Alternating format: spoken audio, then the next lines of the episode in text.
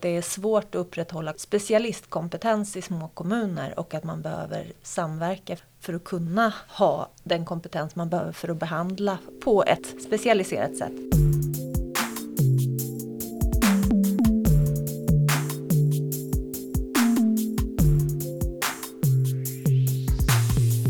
Hej och välkommen till FoU-podden.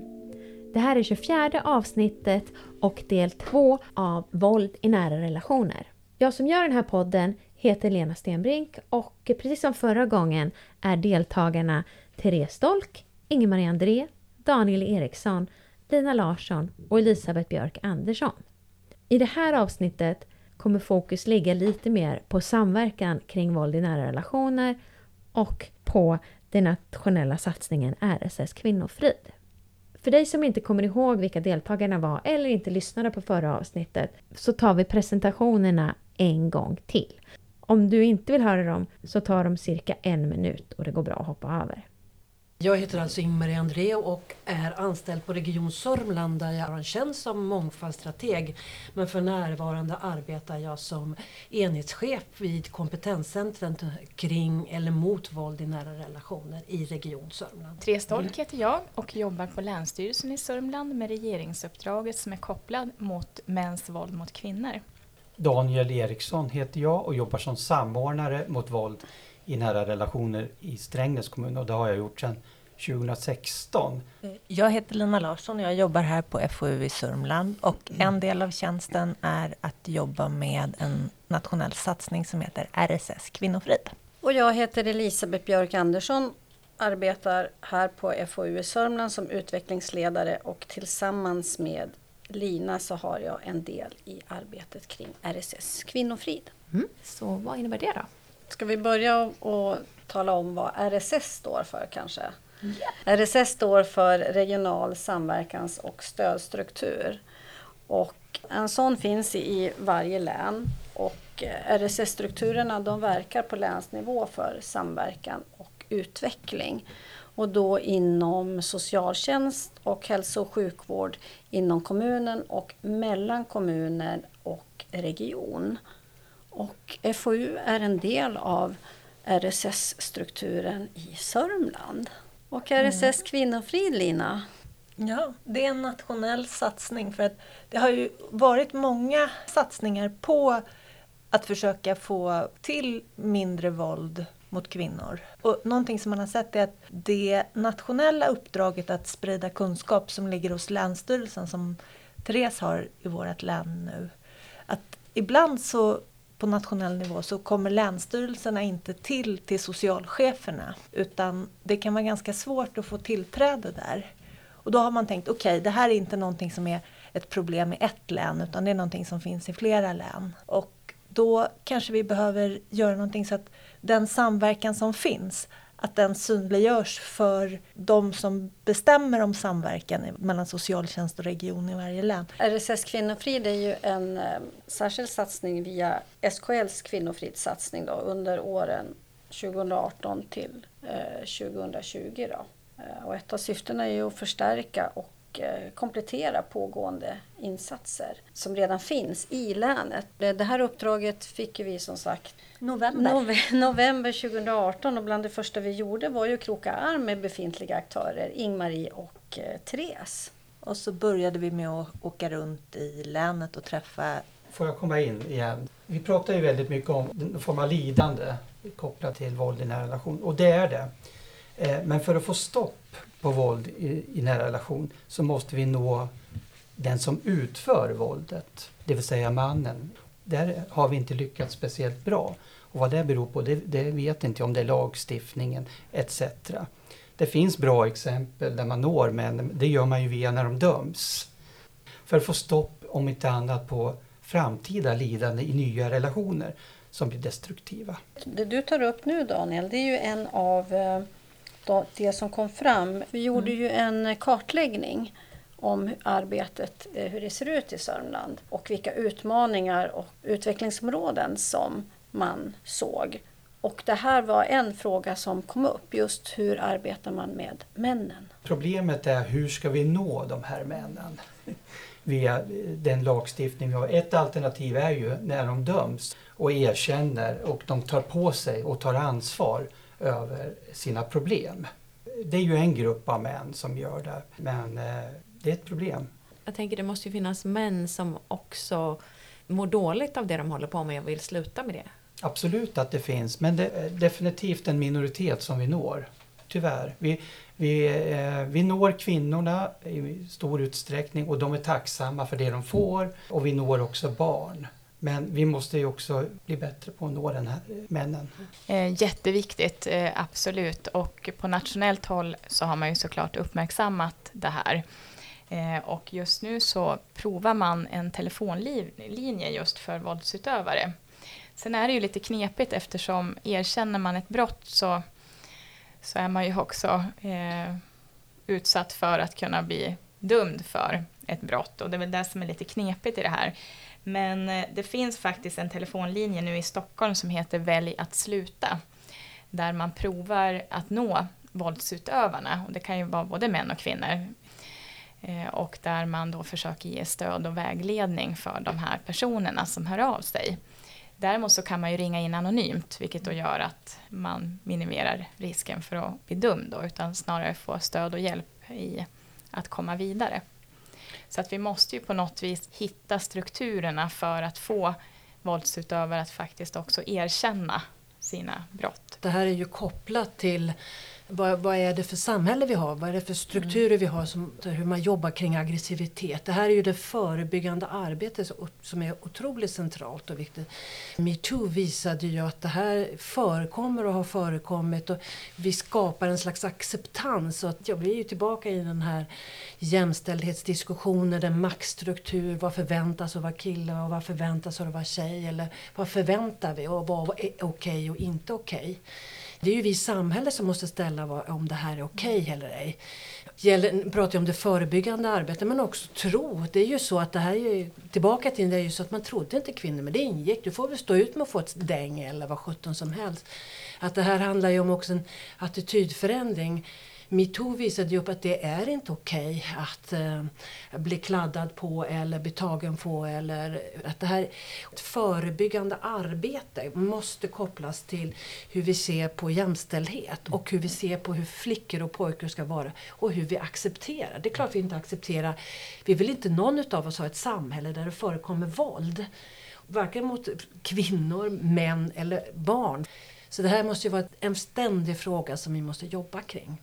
Mm. Bryta våra mönster. Jag blev lite nyfiken Daniel. Du sa tidigare att du hade varit ute i skolorna. Mm. Eh, vad, berätta, vad gör du då? Ja, jag har ett samarbete med SFI där jag regelbundet har haft under flera år nu utbildningstillfällen eh, för att prata om våld i nära relation. Och, precis som vi har varit inne på här så gör jag en, en basutbildning om vad våld i nära relation är. Och jag tror att det är jätteviktigt att man gör det också när man pratar med, om, med nyanlända etc. Att man liksom informerar om det. Och, så att det har vi som ett, ett samarbete. Så att två gånger per termin åker jag ut och informerar om våld i nära relation. Men som man hör så är det en väldigt komplex fråga. Det handlar om mm. maskulinitetsnormer, det handlar om utbildning, det handlar om olika typer av våld. Och, och det gör ju att det är ganska svårt att sammanfatta frågan väldigt mm. kort och koncist. Och det märks i vårt arbete också. Mm. Men en en sak som också är en del av det nationella uppdraget som vi jobbar med är att vi ska verka för systematisk uppföljning när det gäller våld. Och att försöka följa vad har socialtjänsten för ärenden? Hur blir utfallet på de insatser man gör? Och är det, liksom, är det någon skillnad i hur många ärenden man får? Ser man vilka som avbryter en behandling? Och följa individdata på gruppnivå. Jag instämmer bara där att det är komplexa frågor och jag tänker Länsstyrelsen som också jobbar med hedersrelaterat våld och förtryck där kollektivet har eh, en helt annan inverkan och påverkan på individen. Eh, pratar man mäns våld mot kvinnor så är det individ mot individ ofta, inte kollektivet eller familjen. Så det blir också en, en annan dimension av komplexitet i hur man ska hantera ärendena och hur man ska bemöta personen som är våldsutsatt. Eh, ni har gjort en kartläggning som ni började prata om. Var det något mer ni ville lägga till om den?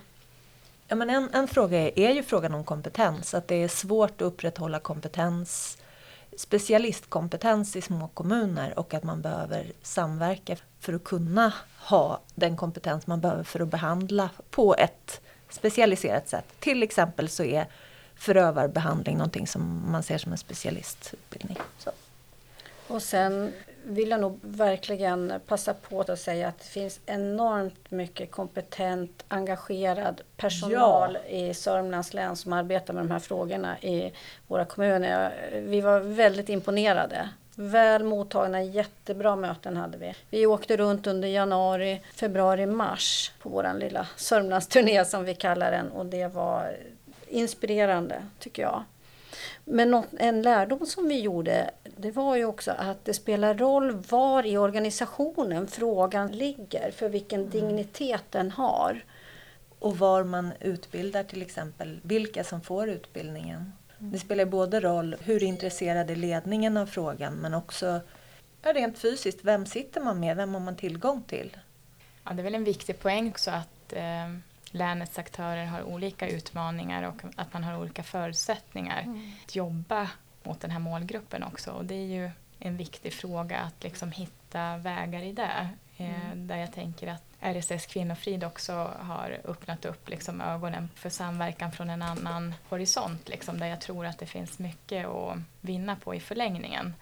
Där vi kan liksom gå, gå samman i de mindre kommunerna kanske eller mindre verksamheter som behöver stöd i att jobba mot målgruppen. Där det finns färre resurser, där en och samma person kanske har flera uppdrag. Eh, Precis. Så att det finns ju en vilja att jobba mot målgruppen, absolut.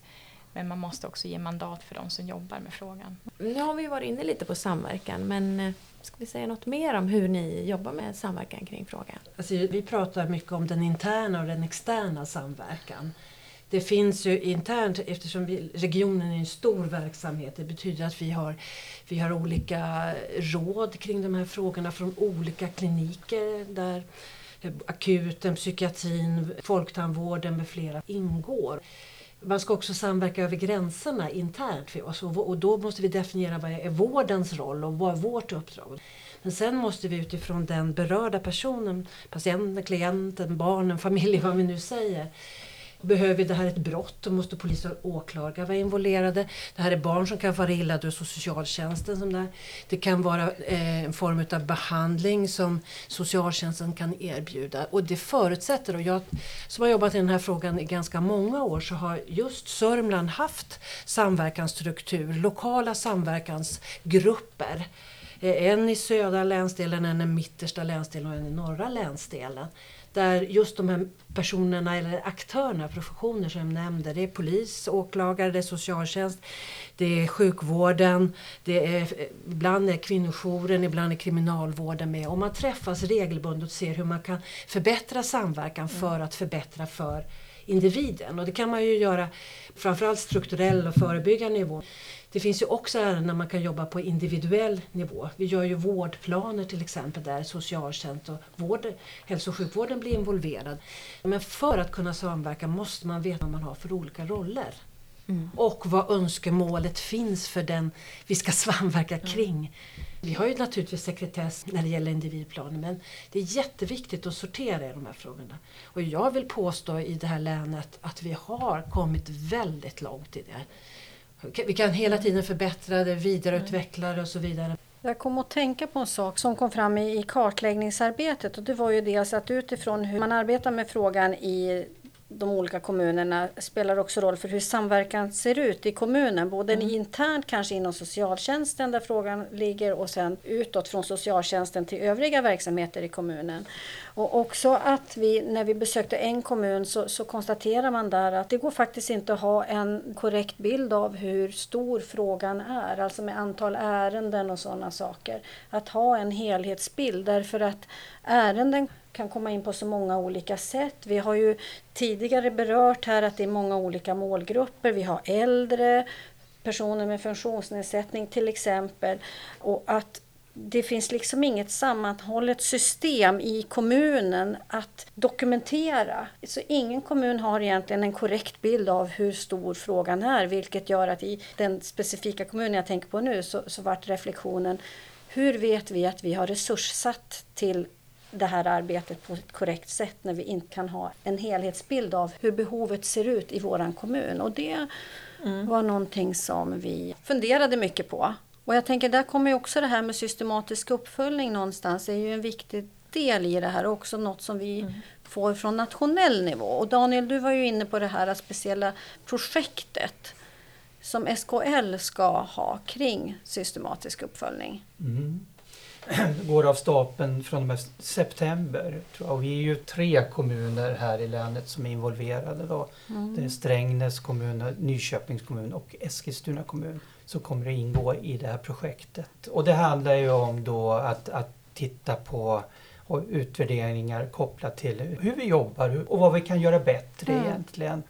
Eh, och det är kopplat till den som är utsatt. Hur det kommer att se ut, det vet jag inte. Vi kommer att få en utbildning i detta under september månad och det ska ju läggas in i våra datasystem. Så det är ju en process. Mm. Och där kommer vi också ingå i det mm. arbetet. Eh, det finns ju mycket som pågår och mm. att man, eh, det här med att beroende, jag, tycker du sa det ypperligt det här är att det är en sån komplex och det är en sån långsiktig fråga. Det här är ingen quick fix, det kan man aldrig oberoende vilken aktör man är. Det här är en fråga som ständigt måste jobb, jobbas med. Så tänker jag på de eventuellt som lyssnar att ta kontakt. Det beror ju på vad man sitter med för het fråga. Mm. Sitter man med just det här, oj vi måste ta fram, hur ska jag jobba med könsstympning, hur ska jag jobba med det? Det finns ändå en hel del kunskap varje kommun har någon form av kvinnofridssamordnare, det finns en samverkansaktör på länsstyrelsen. Vi i regionen har det här kompetenscentrum och det finns samverkansarenor. Mm. Det är viktigt att säga det, vi säger att det är tungt och komplext men det ja. finns också, och vi bygger ju kunskap. Och bara det att se vad som har hänt de 10, 15, 20 senaste åren. Det är en enorm utveckling. Att det går att förändra men det mm. tar tid. Mm. Det här första steget är ju att ställa frågan. Det är mm. okej okay i vården, det är okej okay inom socialtjänsten att ställa frågan. Har du varit utsatt? Är det något du vill ha stöd? Självklart ja eller nej säger patienten. Och är det något du vill ha hjälp med i så fall? Re men redan här är det ju någonting som är ett utvecklingsområde. Att alla faktiskt fortfarande inte ställer frågan fast man vet att det behövs. För att alla vet inte hur ska jag kunna ta emot det ifall jag får ett ja. Eh, man måste hitta strukturerna på mm. arbetsplatserna, precis mm. som du är inne på. Att, vad gör jag av informationen om jag har en våldsutsatt person framför mig, om jag inte per automatik jobbar eh, inom socialtjänst eller så. Vad gör jag med informationen? Hur hanterar jag det här? Vad förväntas jag göra i mitt yrkesutövande? Och där tror jag att det är viktigt eh, att vi som just jobbar och kanske jobbar heltid med de här frågorna eh, ska vara synliga så att folk vet vart de kan vända sig till. I, Strängnäs kommun så har vi något som heter Fredamottagning. Då. Det är ingen mottagning men, men, men det innefattar kompetens och erfarenhet kopplat till att jobba med barn som har varit utsatta. Det finns utbildning, Trappanmodellen etc. där. Eh, eh, det finns också utbildad person att jobba med utför, eh, den som har utsatt våld. Och då därtill då den som blir utsatt då får gärna vända sig till mig då. Och det är något som finns i de flesta kommuner, det stödet att få. Och där tror jag vi har, det, det är en viktig, viktiga funktioner mm. och vi kanske måste få hjälp med att bli tydliggjorda också. Mm. Inte bara att vi ska tydliggöra oss, vi måste få mandat. Mm. Eh, frågan måste få en högre dignitet. Du var ju inne på det Elisabeth, mm. det här med eh, ni hade gått runt i kommunerna och tittat på eh, och det var svårdefinierat. Och det är helt korrekt. De här frågorna gömmer sig under många rubriker. Eh, men, och får inte gärna den uppmärksamhet som den borde få. Utan missbruksfrågan, man jobbar med missbruket, man jobbar kanske inte med de här frågorna. Va? Så att det är en enormt viktig fråga att man bryter ut. Så varje, varje kommun har redan någonstans som man kan kontakta om man behöver hjälp till exempel. Dels om man har varit utsatt själv eller utsätter eller om man jobbar med det. Jag svarar ja på den frågan. Mm. Sen som jag var inne på tidigare så ser förutsättningarna olika ut.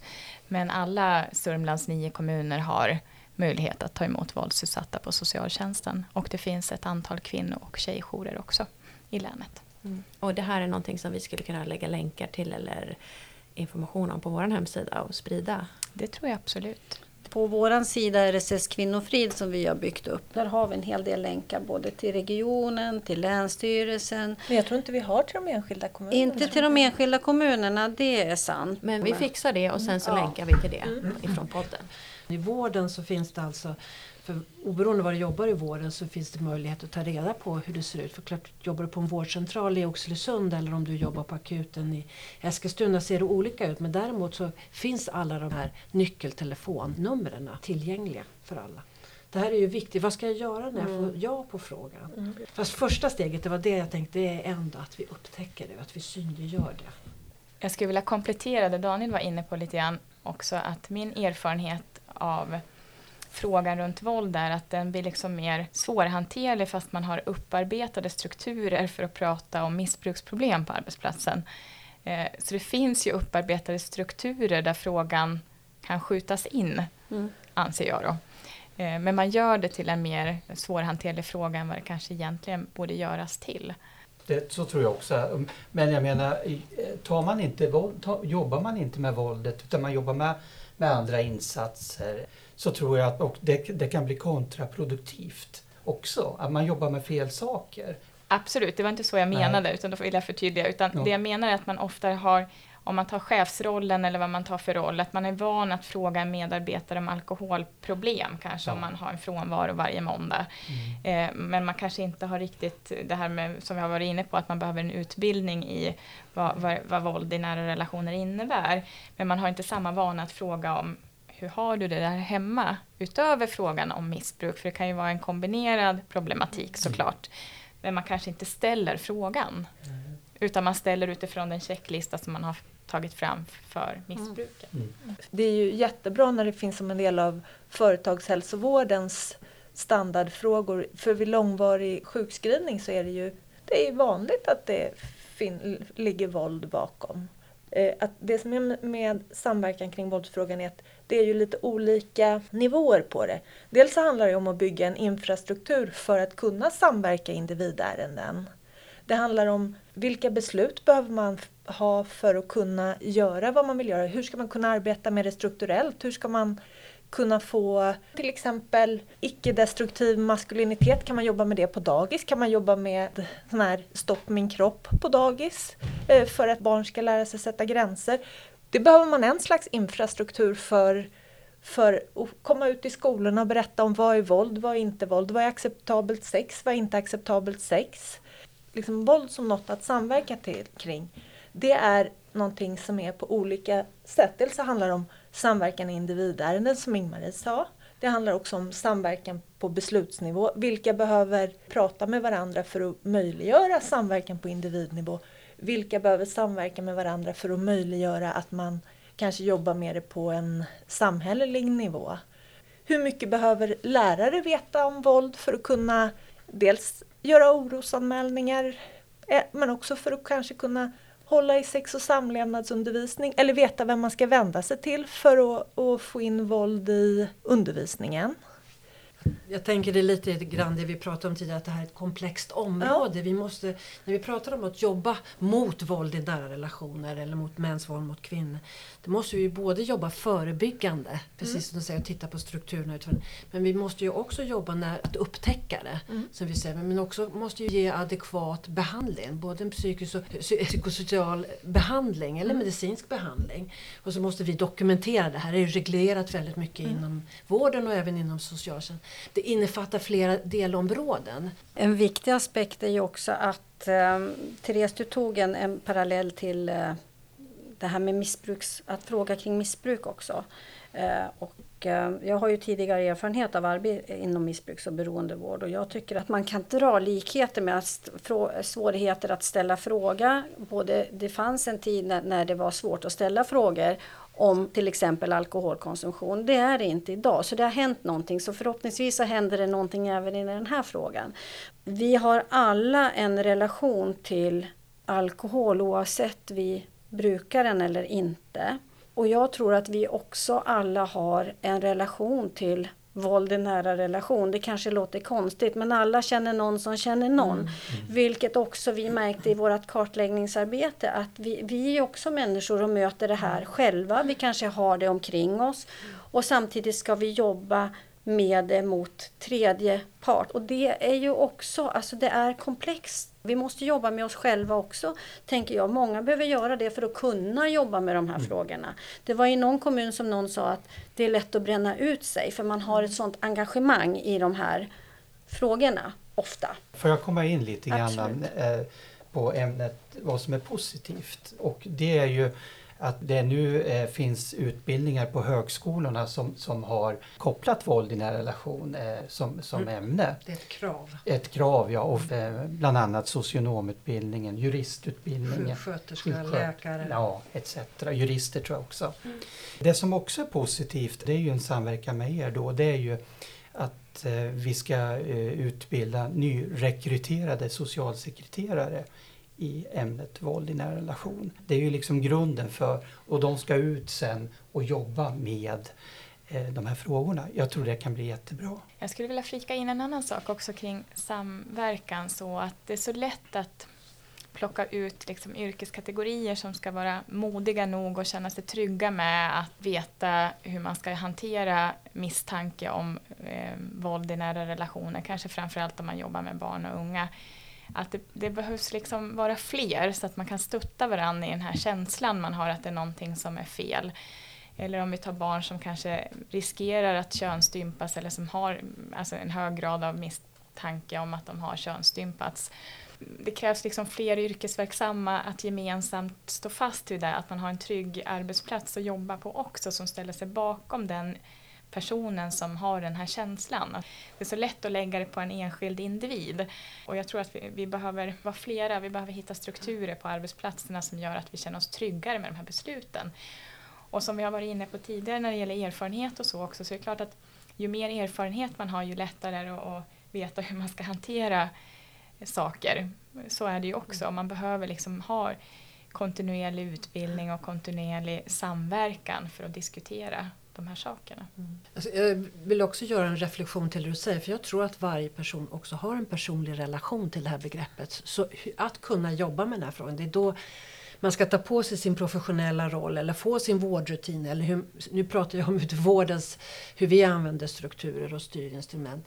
Men att det här är något som berör en. Jag skulle vilja säga att varenda person har på något sätt sett eller varit att det här är inte någon annan. Det är någon annan som drabbas, det är en annan samhällsklass eller för all forskning, all evidensbaserad forskning visar ju att det här går igenom alla samhällsklasser och alla grupper. Och sen att vi kan lyfta vissa särskilt sårbara grupper som vi har identifierat. Men jag tror att det gick just för att kunna behandla, när vi pratar om utbildad, i den fasen ingår också att se ja, hur har jag själv, hur har jag mött det? Jag, jag pratade om att man har varit utsatt 35-40 procent då. Har alltså under, har erfarenhet av att vara våldsutsatt under sin livstid man pratar, om man börjar ställa den här frågan så kan de flesta ge exempel eller beskrivningar på hur det är. Vi pratar om vad vi som professionella ska göra. Jag tänker, ja, jag träffade en grupp eh, pensionärer där vi pratade om äldre och, och våld och då pratade en kvinna om hur det var att vara granne till någon där man misstänker. Och vad gör jag då som granne? Och vad kan jag göra? Vilken trygghet kan jag kan jag tillsammans kan jag ändå gå och ringa på och säga att jag hör för att försöka stoppa något som jag tycker låter som bråk. Det här är, det, mm. det gör frågan, återigen att det gör, ligger precis som du pratar om, att det ligger på olika nå, mm. nivåer förebyggande. Vi professionella har en roll och ett uppdrag. Men vi som medborgare i det här har ju ett annat uppdrag också, att vi ska se och synliggöra det här. Mm. Ja. Och där vill jag bara flika in hur viktigt det är att synliggöra våld mot barn till exempel, att det kommer in anmälningar till polisen. Ibland kanske man har skickat in en anmälan och tycker att det inte leder till någonting. Men ju fler anmälningar det blir, om det gäller så försummelse, det behöver inte alltid ha med fysiskt våld att göra när det gäller barn, man kan fara illa ändå i sin hemmiljö. Så ju mer underlag får både socialtjänst och polis, det är värre att inte göra det. Att utsättas under flera, flera år utan att någon egentligen har, har synliggjort det för samhället. Man har mm. bara gått omkring och haft den här magkänslan och kanske också sett en del som man vet inte är riktigt okej. Okay. Utmaningen är ju till exempel barn som har varit utsatta och man inom vården, BVC-sköterskan, distriktssköterskan, akutenläkaren anmäler. Och vad gör då socialtjänsten? Gör de någonting överhuvudtaget? Vad händer med barnet? Det här är ju ofta något som hindrar att man anmäler och det pratar ju också om en samverkan, kunskap och respekt för varandras uppdrag. Och jag får samma synpunkter från socialtjänsten. Ja, ni gör ju ingenting i vården, ni ger ju ingen behandling eller ni ser inte de här, ni anmäler inte tillräckligt. Det är ju den här misstron mot varandra som vi hela tiden måste arbeta mot och också skapa respekt. Det hänger också ihop att man måste förändra regelsystem och lagar och idag är, ska socialtjänsten till exempel återkoppla att den här inleder vi en utredning för barnet så att den som anmäler känner till det. Det här är jätteviktiga frågor på individnivå. Vi pratar om samverkan, det blir som ett begrepp i sig men det handlar just om det här.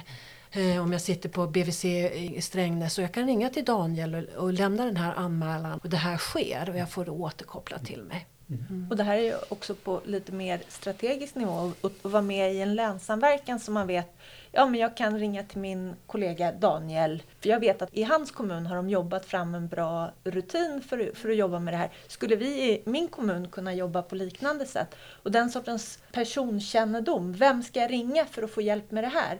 Det är ju någonting som man kan få ja, men i länssamverkan och länsdelssamverkan. Det, blir, det är svårt att avgränsa det till samverkan därför att det är ett stort, viktigt och komplext område. Mm. Men då vill jag säga tack så jättemycket för att ni kom hit och berättade om det här stora, svåra ämnet. Tack. Tack så mycket. Och till dig som har lyssnat så vill jag säga tack för att du har lyssnat. Och hoppas att du även vill lyssna på vårt nästa avsnitt. Ha en bra dag. Hej hej!